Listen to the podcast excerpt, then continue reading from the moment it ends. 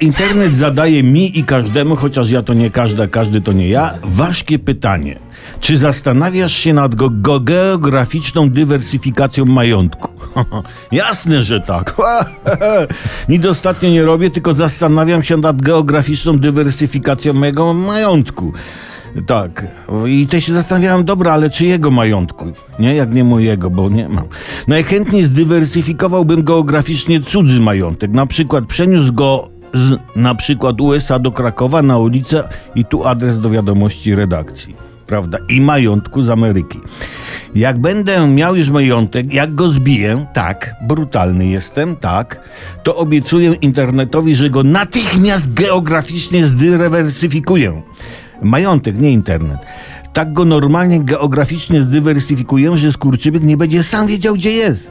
Dywersyfikacja geograficzna polega na wydawaniu pieniędzy poza miejscem zamieszkania. To sobie pojadę na wycieczkę do Włoch albo nawet do Sosnowca. A zaraz później na Mazury kupić masło. Dwie kostki, a co, niech wiedzą, że redaktor przyjechał majątek dywersyfikować. Wiecie, bo cała sprawa polega na tym, że jeden zagraniczny bank namawia, żeby, prze, żeby poprzez niego inwestować, żebyśmy my Polacy to robili. To, no bo co ci za różnica, jakby nie wprost mówi ten bank, czy cię okradnie polski, czy zagraniczny bank? No, a daj nam zarobić, nie bądź nacjonalistyczną kutwą. Tak, ten bank do nas jakby nie wprost mówi.